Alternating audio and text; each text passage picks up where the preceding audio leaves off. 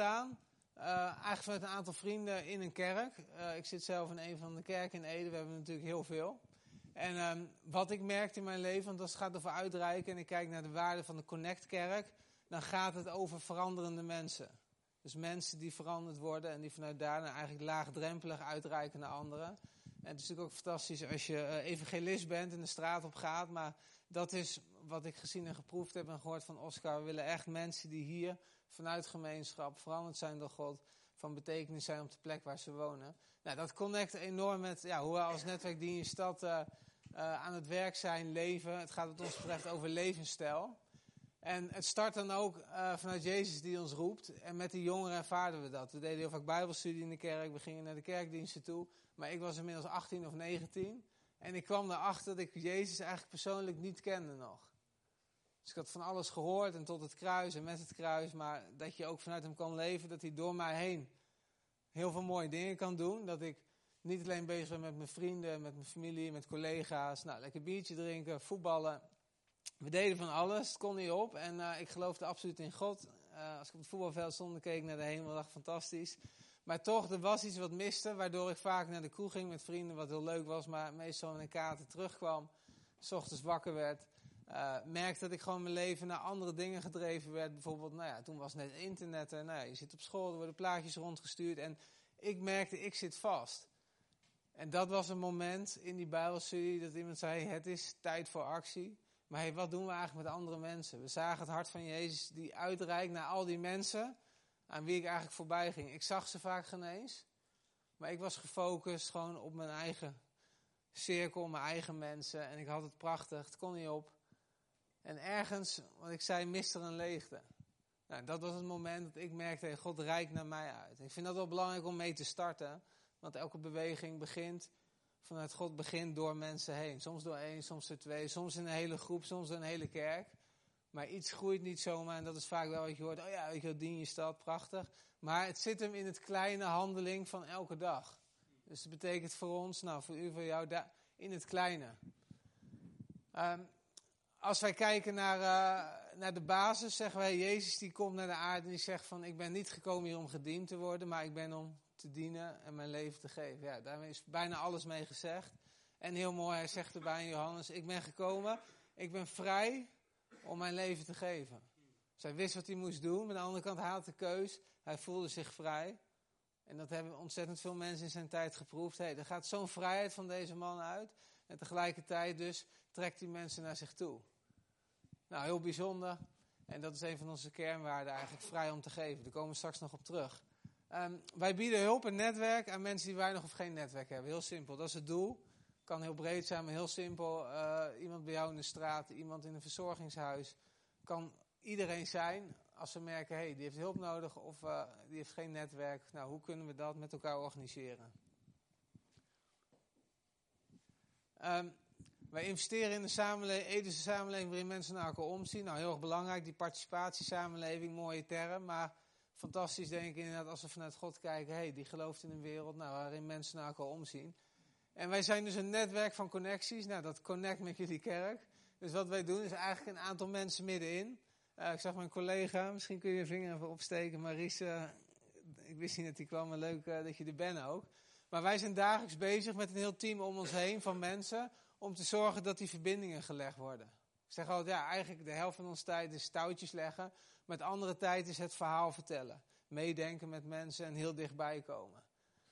Nou ja, ik ga het verder niet dat schema uitleggen. En heel kort even jaarlijks, wat doen wij dan? Ongeveer 1500 uh, projecten, hulpactiviteiten. En we zetten ongeveer 1200 jongeren per jaar in.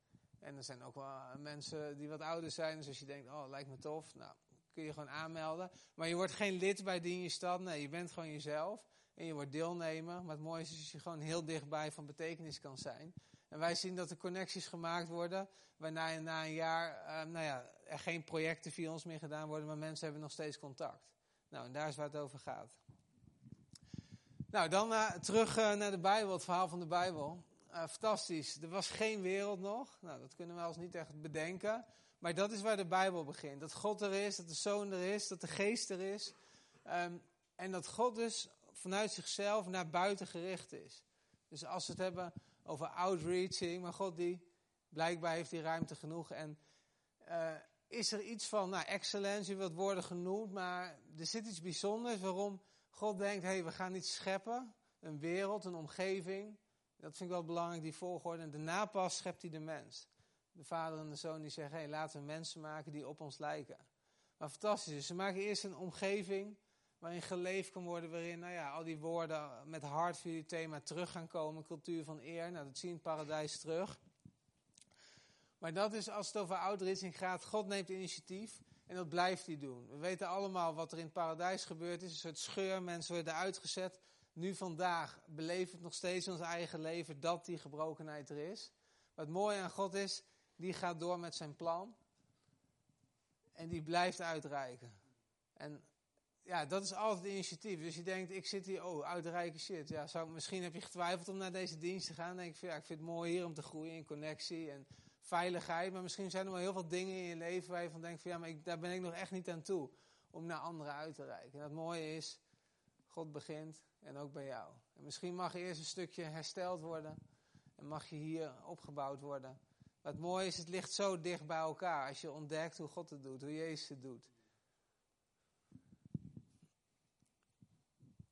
Ik wil graag uh, aan het eind van de Bijbel starten, helemaal naar de toekomst toe. Wat bijzonder is, God die heeft al lang een plan hoe het gaat worden.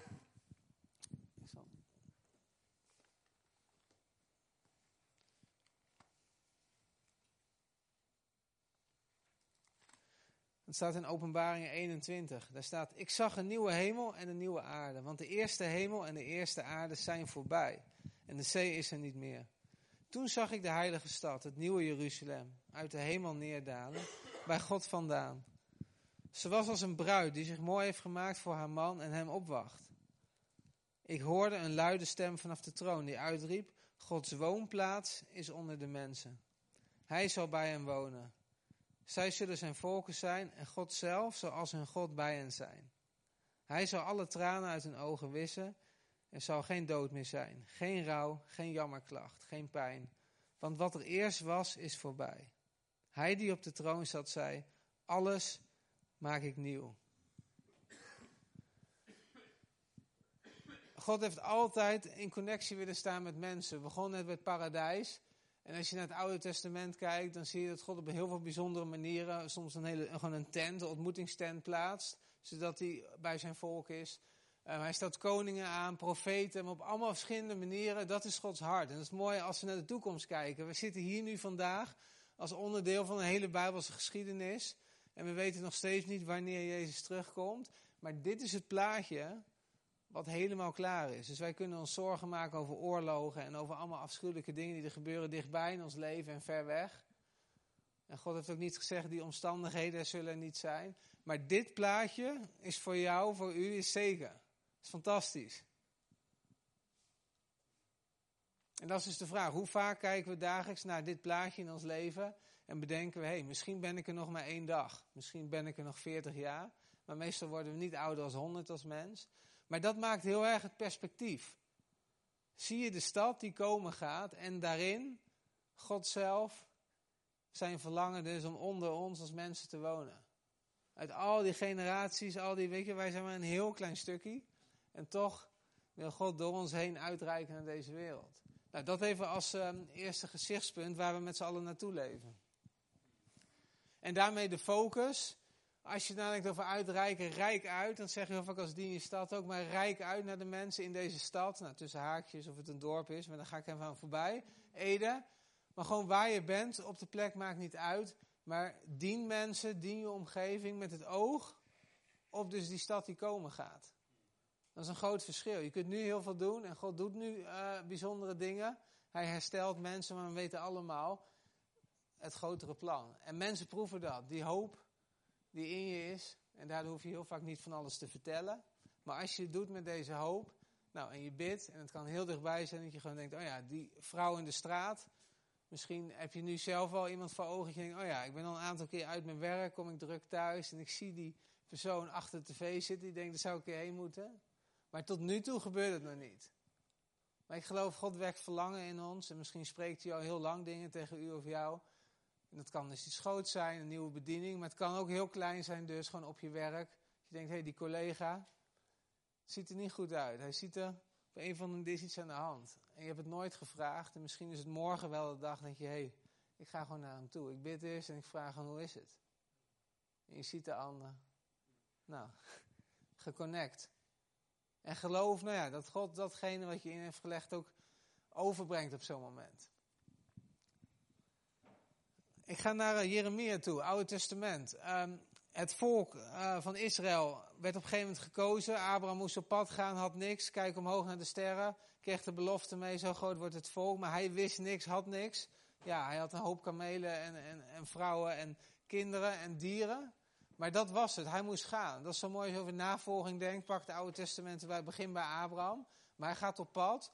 Nou, dan komt op een gegeven moment Jacob, Israël. En God kiest ervoor het Oude Testament. De andere volken gebruikt wel, maar ik kies alleen voor Israël. Als plaatje, als soort maquette, als voorbeeld van wat we net gelezen hebben in openbaringen. Van de stad die komen gaat. Israël moest laten zien, hoe gaan wij met anderen om? En hij had heel veel wetten en regels over hoe ga je met vreemdelingen om. Dus dat was ontzettend belangrijk. Maar wat zag je het volk? Heel vaak een andere weg gaan. En heel vaak niet openstaan dus voor vreemdelingen. Een van de dingen was dat ze op een gegeven moment hun grond wilden verkopen. Terwijl God zei, uh, dit is mijn grond, heb ik jullie gegeven. Hoe kan dit? Op een gegeven moment werd er zelfs seks met dieren gepleegd. Nou, kun je niet voorstellen of zo, maar het staat echt in de Bijbel. En daarvoor wordt het volk gestraft en wordt weggevoerd.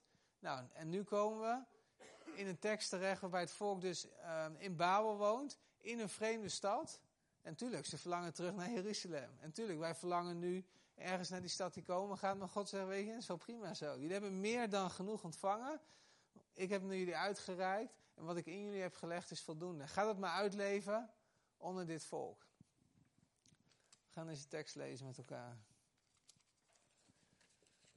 Dit, dit zegt de Heer van de hemelse machten, de God van Israël, tegen de ballingen die hij vanuit Jeruzalem naar Babel heeft laten voeren.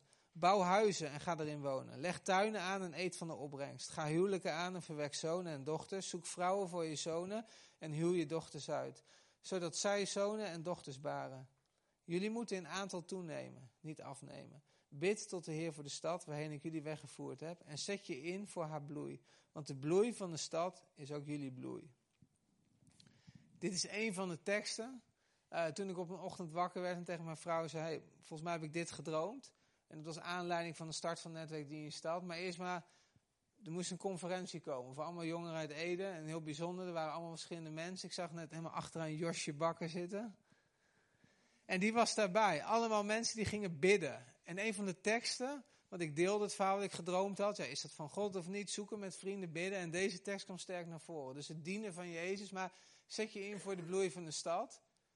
En wij dachten heel sterk bij de bij sociale bloei. Dus mensen die naar elkaar omzien. Nou, daar was deze tekst een basis van. Um, gaan we door naar de uh, volgende tekst. Um, afgelopen september zat ik in de auto. Nou, Prinsjesdag, jullie uh, kennen, dan wordt er een verhaal verteld door de koning. Die komt van het kabinet. En dat is dan, nou ja, de troonrede voor Nederland. En ik moest hem op de helft wegdraaien, want ik was bij een afspraak.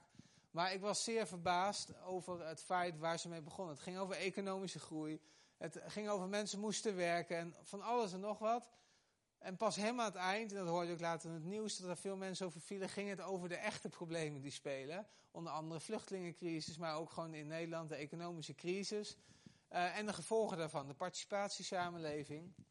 Dus ik zat te denken van, hé, hey, maar hoe zit dat nou bijbels gezien? Want ook heel veel christenen, misschien u of jij ook, we hebben ook zoiets, ja, jongens, er moet wel gewoon gewerkt worden. Het moet wel, weet je wel, we gaan heel snel mee in hoe de wereld kijkt. Dus toen kwam ik uit bij Psalm 72 en ik heb hier een paar korte stukjes. Om gewoon eens te kijken, hé, maar hoe kijkt die God, waarvan Jezus nu koning is, waar David al van zegt van, hé, maar als, als het land bestuurd wordt, dan gaat het hierom. Geef, al God, uw wetten aan de koning, uw gerechtigheid aan de koningszoon. Mogen hij uw volk rechtvaardig besturen, uw arme volk naar recht en wet. Mogen de bergen vrede brengen aan het volk en de heuvels gerechtigheid. Mogen hij recht doen aan de zwakken, redding bieden aan de armen, maar de onderdrukken neerslaan.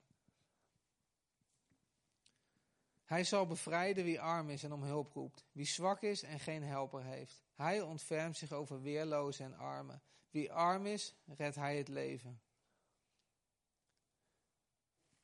Er zal overvloed van koren zijn in het land, zelfs op de toppen van de bergen. Rijpe aren zullen golven als de bossen van de Libanon. Vanuit zijn stad zal voorspoed ontluiken als jong groen op de aarde.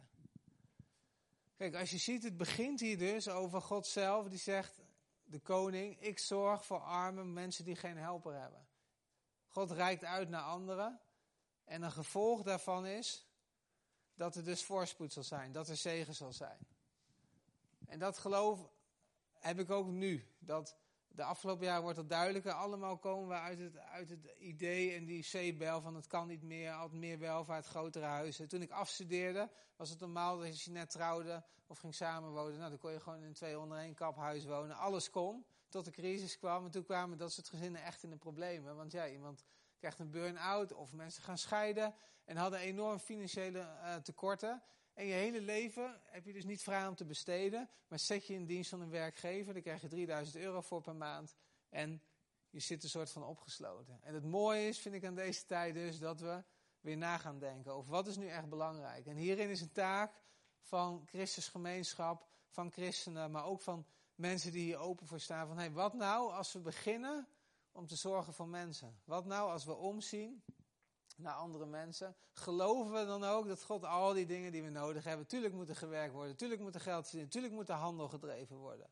Maar geloven we dat als we bij mensen starten, en God start met mensen, dat dan de zegen zal komen. En dat dat tot bloei dus van de gemeenschap zal zijn, tot bloei van Ede, maar uiteindelijk ook voor de bloei van al die mensen die waarna uitgereikt wordt, die straks echt bereikt worden om in die eeuwige stad terecht te komen. Want ik zei al, ik kan er morgen niet meer zijn, weet ik niet. Maar ik heb vandaag nog een dag om mensen te bereiken, om iets te vertellen over die stad die komen gaat. En belangrijker over de deur naar naartoe, naar Jezus zelf, de koning van deze stad. En ik ben dus ook benieuwd, als je hier zit, ben je daar enthousiast over, over die stad? Ik zie Roel Bruintje zitten. Ook uh, een uh, nou, van de studenten die ooit met een tekening kwam, weet je nog, van die gouden stad. Nou, zo komen er mooie dingen bijeen. Maar dat is het. Zijn we enthousiast over die stad? En als we niet enthousiast zijn over de stad, hoe moeten we dan in deze stad nou ja, dat samenleven vormgeven en iets gaan laten zien, zoals het volk Israël toen, van waar God nou onderweg is? En niet heel groot, maar dus heel klein. Een konijn. Ja, wat moeten we daar nu mee? We hebben een bijzondere God die iets bijzonders doet maar ik ben wel heel erg benieuwd. Ehm, als je nou aan een konijn zou willen laten weten dat je van hem houdt, hoe zou je dat aanpakken? Mag je even over hebben met degene die naast je zit? Dus als jij aan een konijn zou willen laten weten dat je van hem houdt, hoe maak je dat duidelijk?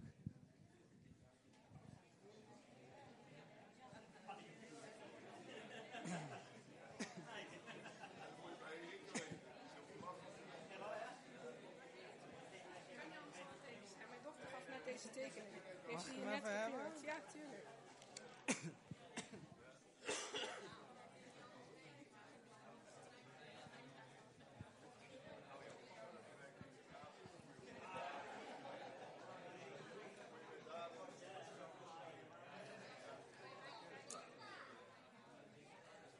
Oké, okay, ik uh, ga inbreken. Uh, mag ik wat reacties? Iemand een idee? Knuffelen? Hoe zou jij dat doen? Aardig doen. Achterin uh, zag ik daar een vinger. Gas geven. Water. Zijn hok schoonhouden. Nou, heel bijzonder. Er staat net iemand op en die zegt hier, dit uh, moet een teken zijn. Uh, haar dochter heeft net deze tekening gemaakt. Maar inderdaad. Een konijn een wortel geven. Ik leg hem hier neer, dan kun je hem zo weer ophalen. Bijzonder. Maar stel je voor, jij bent het konijn, je zit in een hok buiten. En uh, nou ja, je ziet in één keer die voordeur opengaan van het huis. Een grote gedaante komt eruit. Nou, die klep gaat open, je duikt in één. Twee handen komen naar je toe. En nog verder duik je in één. En nou, je wordt gepakt en je wordt ergens tegen aangeduwd. Je kunt amper ademhalen. En dat is hoe wij als mensen natuurlijk vaak ja, zo met dieren omgaan. En ik hoop ook dat ze het voelen. Maar je zult nooit echt weten of het konijn het door heeft. Dus als je echt wil weten en wil laten voelen aan het konijn dat hij geliefd is en dat je terug, dan zou je ten diepste zelf konijn moeten worden. En dat is dus uniek, want dat is wat God in Jezus doet. Hij reikt uit naar de aarde, waardoor datgene wat hij eigenlijk helemaal niet logisch is om te zou doen, want hij is een God, hij is overal, hij beperkt zich niet tot één lichaam. Maar toch is datgene wat God naar al die andere manieren die ik net vertelde, probeerde zijn liefde te laten zien, wetten, regels, mensen, koningen. Maar uiteindelijk ten diepste kies hij ervoor om zelf mens te worden en heel dichtbij te komen. Om zo naar de wereld uit te reiken. Nou, dan even praktisch. Um, ja, wat, wat ervaar je dan zelf? Wat zijn dingen die indruk op je hebben gemaakt? Nou, dit is een van de verhalen die uh, mij altijd zal bijblijven. Ik zat op een gegeven moment uh, smiddags om een uurtje of drie uh, bij ons op kantoor. En er kwam een hulpvraag binnen. Had een arts gebeld van deze meneer die woont in Ede Centrum op één hoog. Um, hij heeft kanker, had open wonden. maar hij zou heel graag nog een ijsje willen eten. Maar er is geen lift, er zit in een rolstoel. Hij moet dus naar beneden toe. Dus ik bel uh, twee studenten op, volgens mij van de Navigatorstudentenvereniging. Zeiden, ja, wat willen we doen? En ik bel nog even en later had ik zijn vrouw aan de lijn. Hij bleek getrouwd en twee dochters te hebben. En toen zei ze, nou misschien kun je ook meekomen. Ik weet niet of het met twee personen gaat lukken. Dus nou, ik ben s'avonds meegegaan. Het was echt zo'n stille, zoele zomeravond. En wij komen er boven op één hoog. Het zijn allemaal oude mensen staan daar in de buurt. Ja, te kijken, hoe moeten we dit doen? En op een gegeven moment uh, ja, werd er een rieten stoeltje gehaald. Dus nou, wij uh, meneer heel voorzichtig overtillen. En je merkte echt nou, dat het veel pijn deed. Rustig naar beneden tillen. En beneden aangekomen staat zijn vrouw ernaast met de twee dochters. En wordt de vraag gesteld: wie mag het laatste rondje met papa duwen? Nou, dan sta je daar met z'n drieën bij. En dan, ja, dat komt wel even binnen inderdaad. Vervolgens de vraag, hoe lang mogen we weggaan? Nou, voor ons een hele gekke vraag. Ja, al bleef ze de hele avond weg.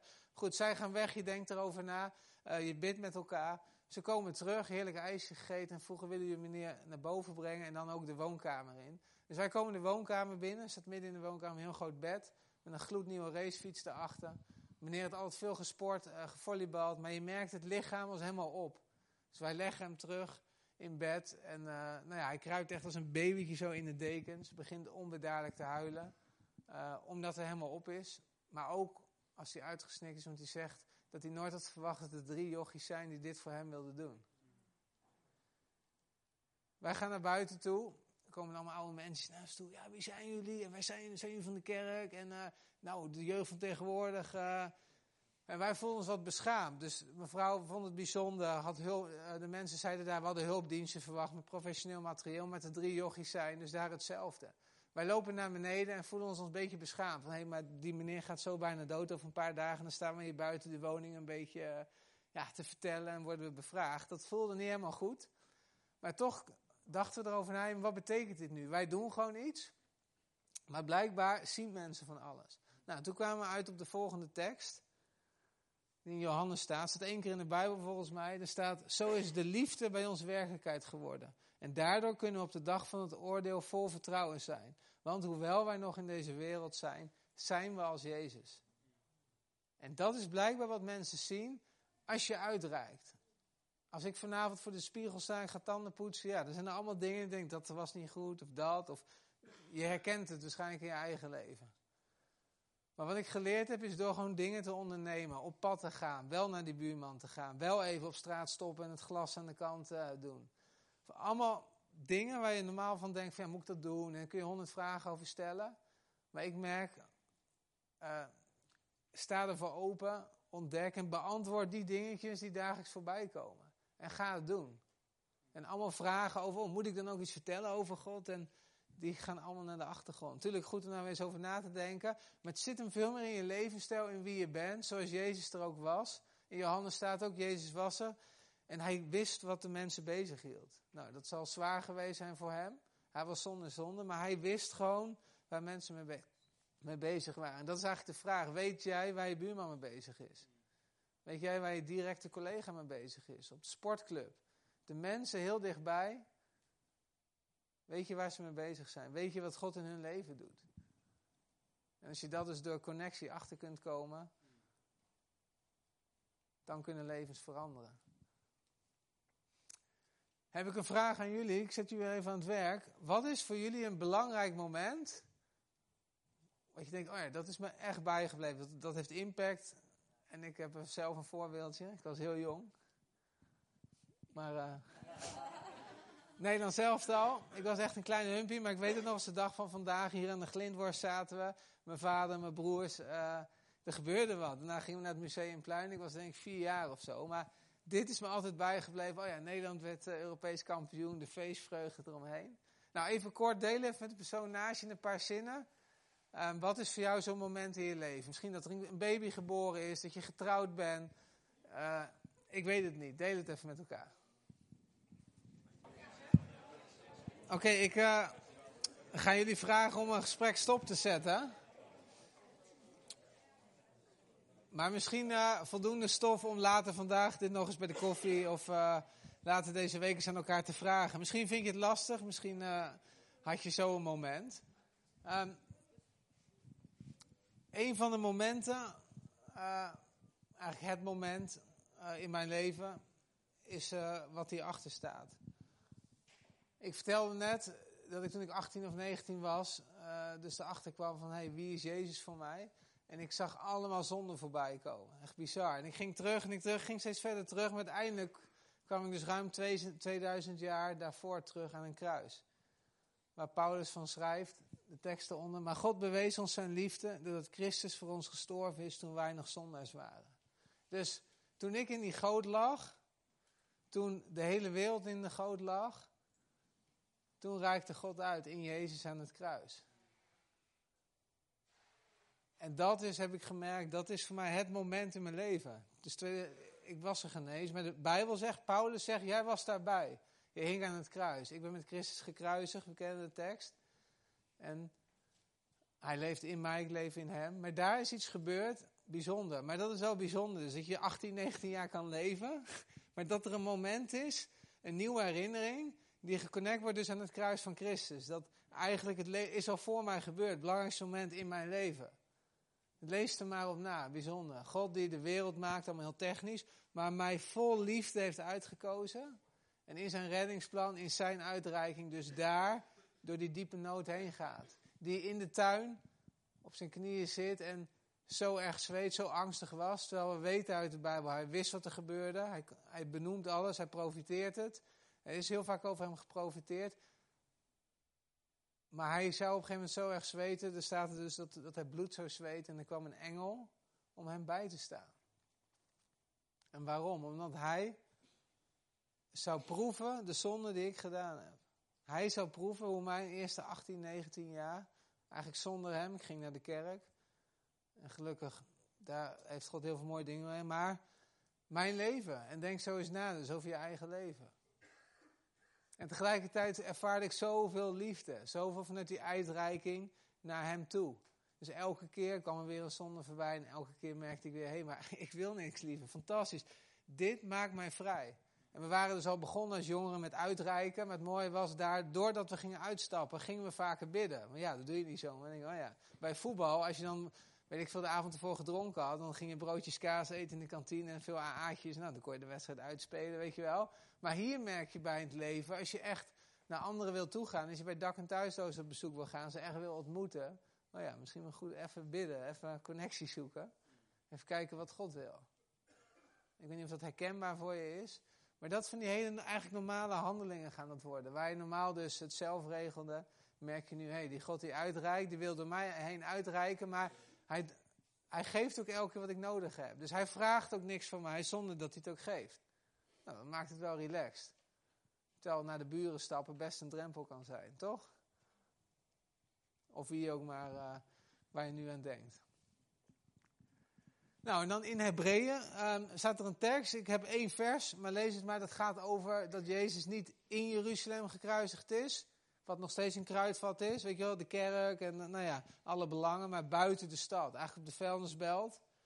Maar daar is hij gekruisigd en daar staat deze tekst bij. Voeg je bij hem, voeg je dus ook nu. Dus welke plekken hier in de stad, waar zijn mensen? Bijvoorbeeld, uh, kom je wel eens bij de vluchtelingen op het uh, kazerneterrein? Nou, zo zijn er meer doelgroepen. Ook gewoon het ziekenhuis in Ede. Voeg je bij hem. Dus op die plekken buiten de stad. Ook buiten een stad als Ede. Het kan ook in een flat zijn met heel veel woningen, maar heel veel eenzaamheid achter voordeuren. En dan kun je die tekst nog heel even terug doen. Maar onze stad is immers niet blijvend. Wij kijken juist verlangend uit naar de stad die komt. Nou, daar begonnen we mee. Maar dat is dus wat Paulus ons ook toe oproept. Eén tekstje staat volgens mij ook niet vaak in de Bijbel, maar hier verwijst hij dan voor. Voeg je bij Jezus, juist op de plekken naar de mensen waar hij naartoe zou gaan. En doe dat vanuit dit verlangen.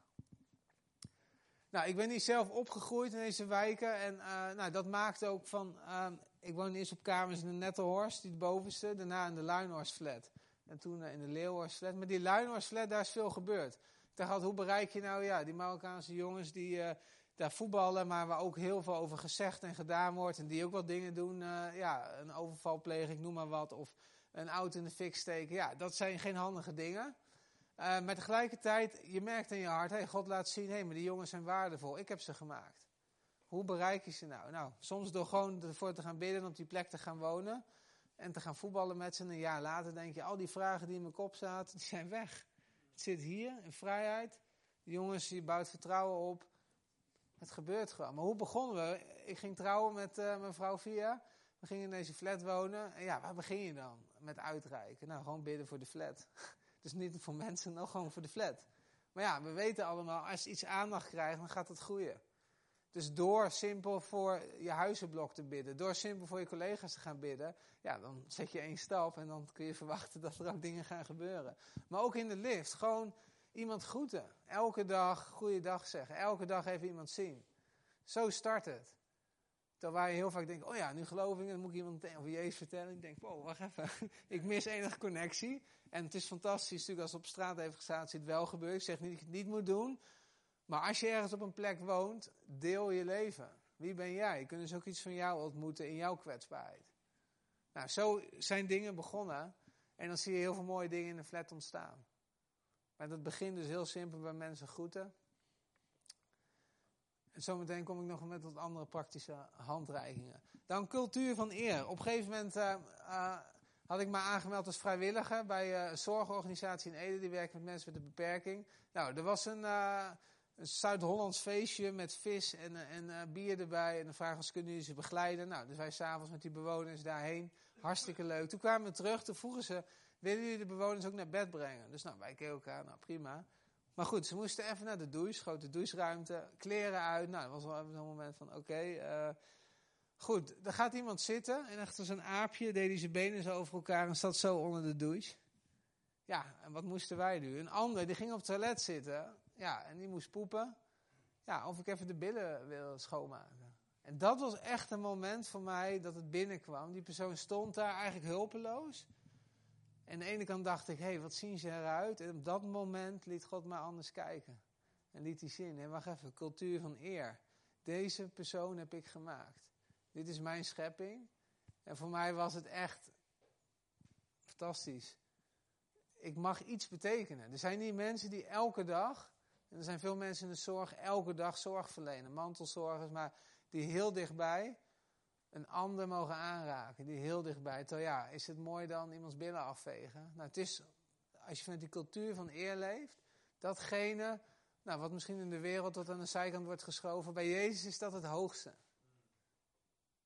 Dus dat zijn van die lessen in mijn werk, die kun je van alles doen, dan kun je allemaal, oh ja, tof werk doen jullie. Maar weet je, dit zijn de dingen dat je helemaal terugkomt bij, oh ja, waar is mijn hart? Nou, daar ben ik dus dankbaar voor, vandaar is dit voorbeeld. Um, hij mag één verder. Um, wij gaan binnenkort op uh, mission trip naar Engeland. Um, dat doen wij om te ontdekken, hey, hoe rijken ze daaruit? Zomers gaan we naar Duitsland en Polen, die Bonn even reis. Maar daar ontmoeten wij Graham, deze meneer. Woont in Manchester, een van de achter, achterstandswijken daar. En die begint te vertellen over zijn leven. En die ging gevangenis in en uit. Uh, drugsdealer met de politie op de vuist. Uh, hij wist niet anders op een gegeven moment kwam hij een paar jongeren tegen. En die hadden nog nooit gehoord van uh, dat mensen in hun omgeving in een gevangenis waren geweest. Dat was voor hem het allereerste moment, vertelde hij tegen ons, dat hij dus wist dat je ook niet in zo'n omgeving kan opgroeien waar je gevangenis in en uit gaat. Nou, uiteindelijk um, overleden zijn ouders, overleed zijn broer uh, aan drugs en alcohol in zijn armen, is hij zelf aan de drugs en alcohol gebruikt, want hij dealde altijd veel, maar gebruikte zelf niet. Toen ging hij ook gevangenis in en uit. En op een gegeven moment kwam hij dit groepje jongeren tegen. Nou, toen is hij bij een organisatie terechtgekomen. Die heet Master Tree. En die hebben echt heel veel mijlen met hem meegelopen, elke als hij terugviel. En het geweldige is als je een foto verder doet. Nou, daar uh, luisteren een aantal deelnemers naar zijn verhaal. En hier zie je hem staan als de manager of the creative department daar. En helpt hij dus andere mensen uit te reiken. Maar God heeft dus dwars door zijn hele situatie heen. Hij had uh, op zijn 19 al twee Porsches. Hij zei, ik heb onder invloed door de stad gereden met 165 mijl, dat ik leef. Nou, het is ook echt een wonder is die gast. Hij is zo groot. Het is echt bizar. Het is echt, ja, zo'n engel of zo. En die bereikt daar in zijn programma dus heel veel andere mensen. Hij bleek uh, bij verschillende vrouwen acht kinderen te hebben. Het bijzondere is, hij zorgt, neemt zijn, nou, die zijn verantwoordelijkheid daarvoor. Hij woont zelf in een soort woongemeenschap. Maar weet je, die had er al lang niet meer kunnen zijn. En God reikt naar hem uit en door hem heen. Nou, fantastische verhalen. We gaan over twee weken op vrijdagavond met een groep van 25 mensen. En gisteren uh, had ik nog even contact met de mede-organisator. Die zei, we hebben nog plek voor drie mensen. Dus als je denkt, hé, hey, ik ga die week mee. En dat is niet alleen kijken, maar je gaat echt aan je eigen proces ook werken. Um, ja, wat zijn jouw doelen? Waar, waar wil je? Maar als je helemaal terug bent van zo'n week, het mooie is, weet je, die reis gaat door in je leven. Nou, tot zover Graham. Dan uh, nog één concrete tekst over uh, Jezus zelf. Hij spreekt vaak in beelden, maar soms ook heel concreet. Hij wordt uitgenodigd bij fariseeërs thuis.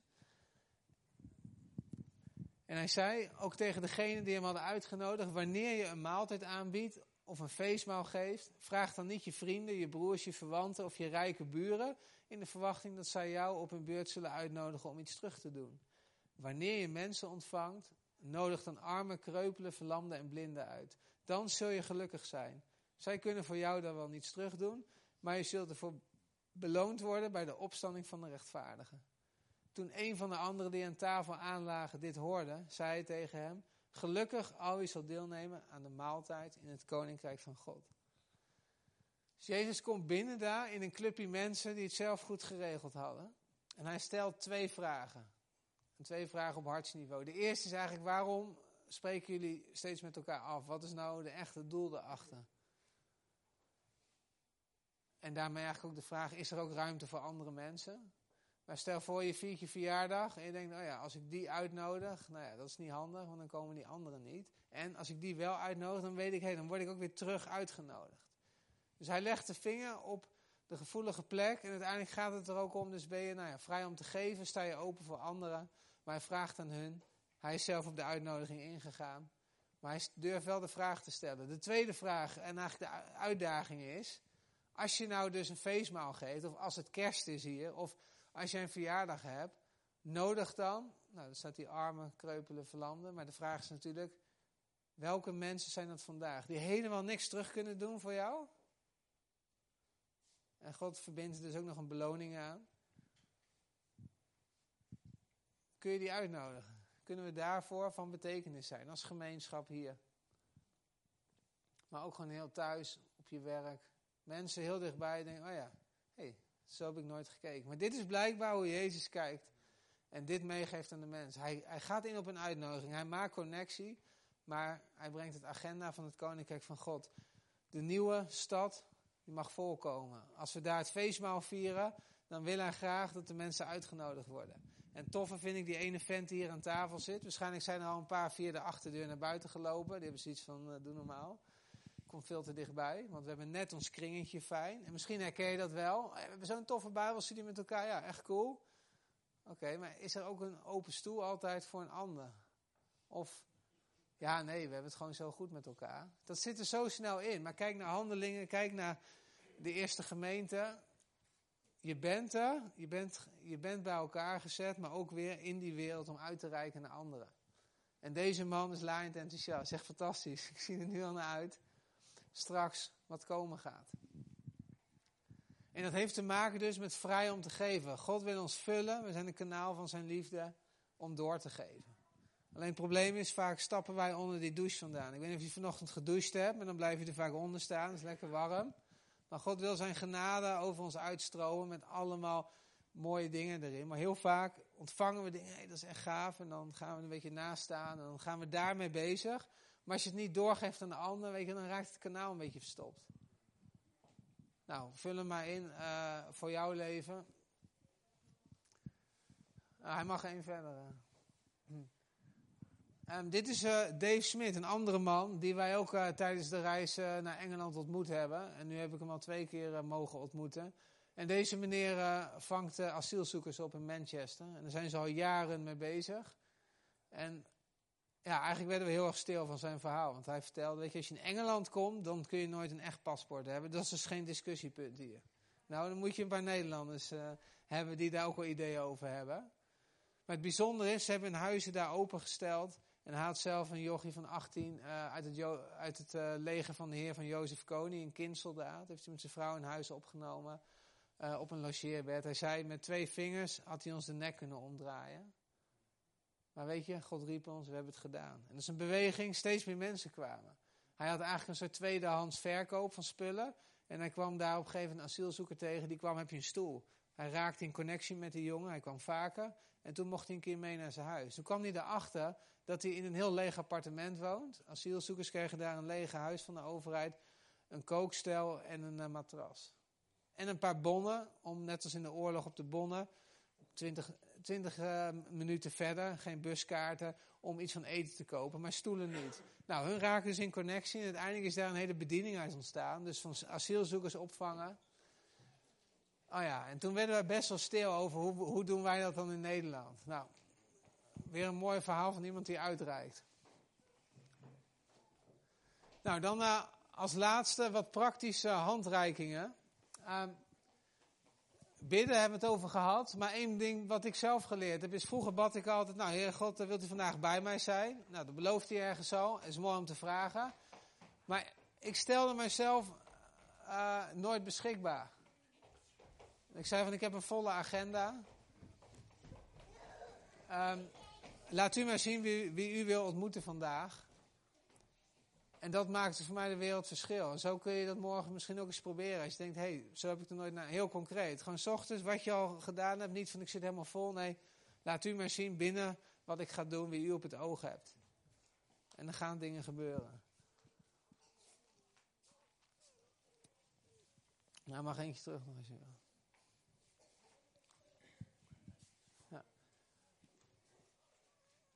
Uh, en als laatste wil ik meegeven, geef ruimte.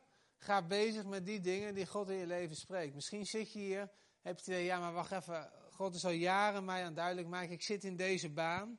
Maar eigenlijk heb ik vrouwen op het oog voor wie ik van betekenis kan zijn. En zou ik daar iets voor willen opzetten. Um, ga daarmee aan de gang. We zijn hier om met de talenten, nou met het hart, alle woorden, excellence.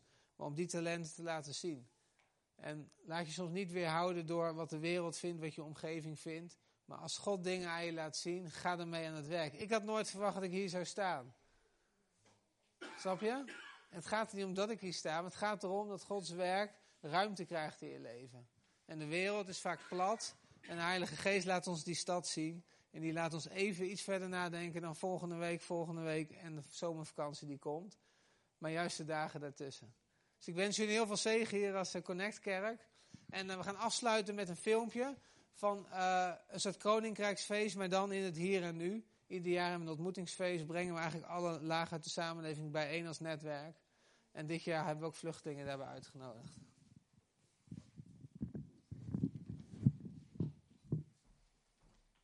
Yes, mooi. Dankjewel Ilke. Tof om te horen. Le lekker praktisch ook wel weer of zo. Hou ik van. Ja, mooi dat God in ons en door ons wil werken. Dus uh, bedankt voor, uh, voor, wat je uitgelegd hebt. En als Connect Kerk hebben we ook uh, sinds dit jaar gezegd, hey, dat vinden we tof. Dienststad, die willen we graag financieel ondersteunen. Dat gaat ook allemaal met giften en zo natuurlijk. Ze krijgen normaal gesproken geen geld voor wat ze doen.